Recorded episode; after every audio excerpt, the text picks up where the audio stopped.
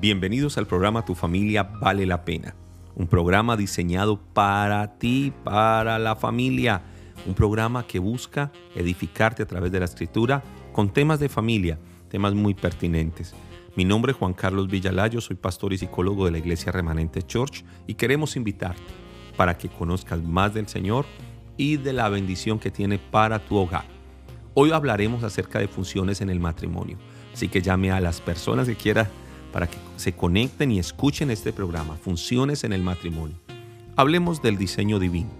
En Génesis 1.26 dice que Dios creó a Adán a su imagen. Son dos términos hebreos que es un término que es excelen y otro demut. Imagen, naturaleza. Su esencia la puso en el hombre. Adán tenía la plenitud, estaba completo en Dios. Dice la Biblia en Génesis 1.26, entonces dijo Dios, hagamos al hombre a nuestra imagen conforme a nuestra semejanza y señoré en los peces del mar, en las aves de los cielos, en las bestias, en toda la tierra y en todo animal que se arrastra sobre la tierra. Y creó Dios al hombre a su imagen. A imagen de Dios lo, lo creó, varón y hembra los creó. Qué lindo Dios lo que hizo, creó al hombre y crea el diseño espiritual del hombre y la mujer, los crea espiritualmente. Ya en Génesis capítulo 2 dice la Biblia que Dios le dio un cuerpo al hombre y sopló en él aliento de vida. Y luego dice la Biblia que vio Dios que no era bueno que el hombre estuviera solo y abrió su costado y de su costado sacó una costilla y de esa costilla hizo a la mujer. Así que Eva fue tomada de Adán y no fue tomada por separado. Y cada uno retuvo cualidades que el otro necesitaba el hombre y la, mujer fueron creados para complementarse y no para competir entre sí. Por eso la mujer fue, fue sacada, la, mujer fue sacada del hombre, no, no fue tomada por separado. La Biblia dice, y de la costilla que Jehová Dios tomó del hombre hizo una mujer y la trajo al hombre. Dijo entonces Adán, Esta, esto es ahora huesos de mis huesos y carne de mi carne. Esta será llamada varona porque del varón fue tomada.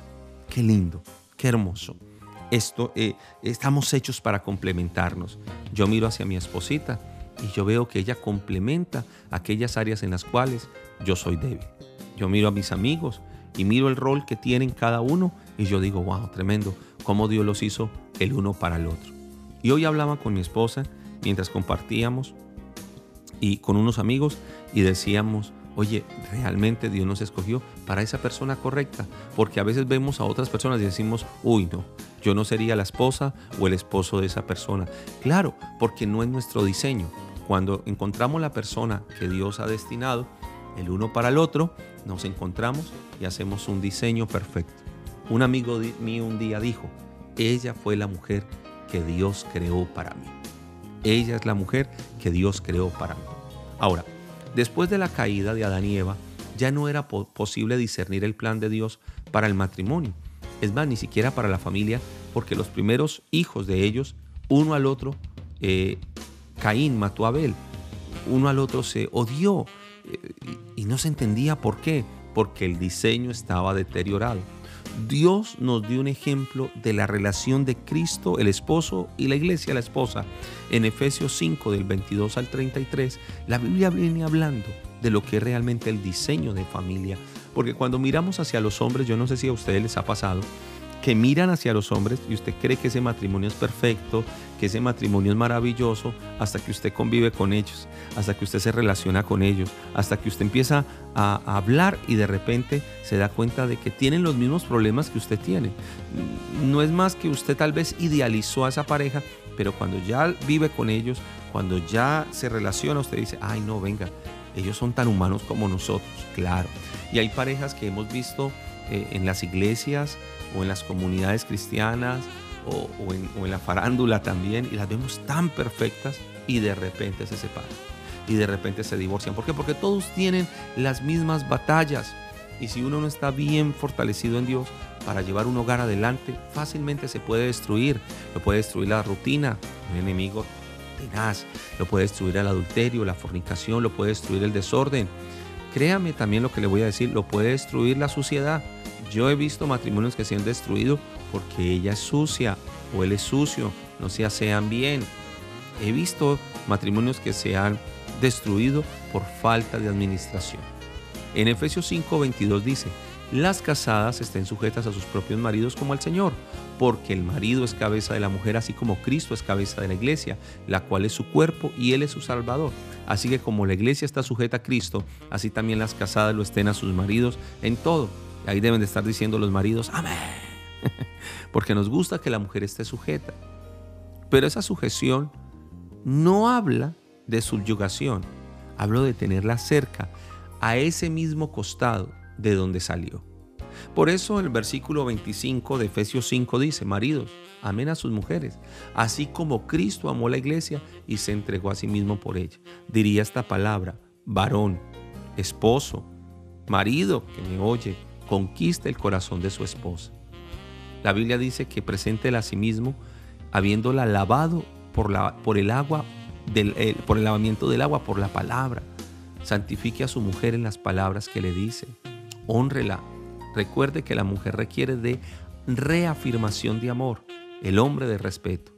Dice que a fin de, versículo 27 dice que todo esto es con un fin, presentársela a sí mismo una, una, una mujer gloriosa que no tenga mancha y, dice acá también que no tenga arruga ni cosa semejante sino que sea santa y sin mancha. Así también los maridos deben de amar a sus mujeres como a sus mismos cuerpos. El que ama a su mujer, a sí mismo se ama. ¿Por qué? Se llama ley del reflejo. Dice la palabra en Proverbios, como en el, en el agua corresponde, el reflejo corresponde al rostro del hombre, así el del hombre en el hombre. Es decir, yo digo, ay, qué mujer tan amargada. Es el fruto de lo que usted sembró. Ay, qué hombre tan, tan cantaletoso es lo que hemos sembrado y eso es lo que tenemos que cambiar. Recuerde que ese hogar Dios te lo dio para que lo cuides, para que lo sustentes, para que, para que mires hacia ese hogar y puedas decir, no, venga que este hogar, este hogar tiene propósito en Dios. Por eso dentro del pacto de Dios está el dejar y el unir. En Génesis 2.24 dice la Biblia, por tanto dejará el hombre a su padre y a su madre y se unirá a su mujer y los dos serán una sola carne. Y estaban ambos desnudos, Adán y su mujer, y no se avergonzaban. Voy a leer el texto. Por tanto dejará. Dejará es una transición. Una transición que toma el hombre de dejar a su padre y a su madre. ¿Cierto? Al papito y a la mamita, como algunos dicen. Pero tienes que, tienes que. No quiere decir abandonarlos, quiere decir dejarlos. Lo otro dice se unirá. Esto es propósito, a su mujer. Eso habla de diseño y serán una sola carne. Esto habla de, del secreto de Dios en la pareja, de lo lindo que es una pareja cuando se fusionan el uno al otro. Y me gusta esto porque es parte del propósito de Dios. Pero dice la Biblia, el hombre dejará a su padre y a su madre. Porque algunos llevan 20 años viviendo en la casa de la mamá y cuando la esposa le dice, venga, vámonos pues, ya debemos de irnos. No, no quieren salir de ahí. Señores, deben dejar a papá y a mamá no abandonarlos, dejarlos y unirse a su mujer y, ser una sola carne con ella. El versículo 25 me gusta mucho porque dice que ambos estaban desnudos, Adán y su mujer, y no se avergonzaban. Qué lindo estar desnudo el uno al otro. Qué lindo no ocultar nada. Qué lindo irse a la, cama tranquilo. Pero qué incómodo cuando tenemos algo que esconder en el celular o cuando tenemos algo que esconder y, y, no, no estamos abiertos el uno al otro estamos escondiendo algo. Y ahí aparece la vergüenza. Me gusta que la Biblia dice no se avergonzaban, porque algunos se burlan de los senos de su esposa, de las caderas, del estómago, la esposa se, se burla de su esposo, ¿sí? Y, y son el show ante otras parejas, porque se burlan. Pero cuando llegan a casa, se tratan tan feo porque dicen, ah, afuera son los payasos, pero adentro son los demonios. Así que qué bueno que puedan aprender esto. Nunca se ridiculicen el uno al otro. Podemos hacer charlas, compartir, pero no llevar al descrédito de una persona o que la pareja se pueda sentir tan mal, tan mal, que eh, le hiera y diga, usted ha hecho de mi vida eh, una vergüenza. Y eso hay que tener mucho cuidado, por favor. Muy bien, vamos a hablar entonces de las funciones dentro del matrimonio. Algunas funciones que el Señor ha establecido. Que para que tú les des prioridades a esas funciones. El esposo es el reafirmador del amor. Las, las esposas necesitan ser amadas y apreciadas.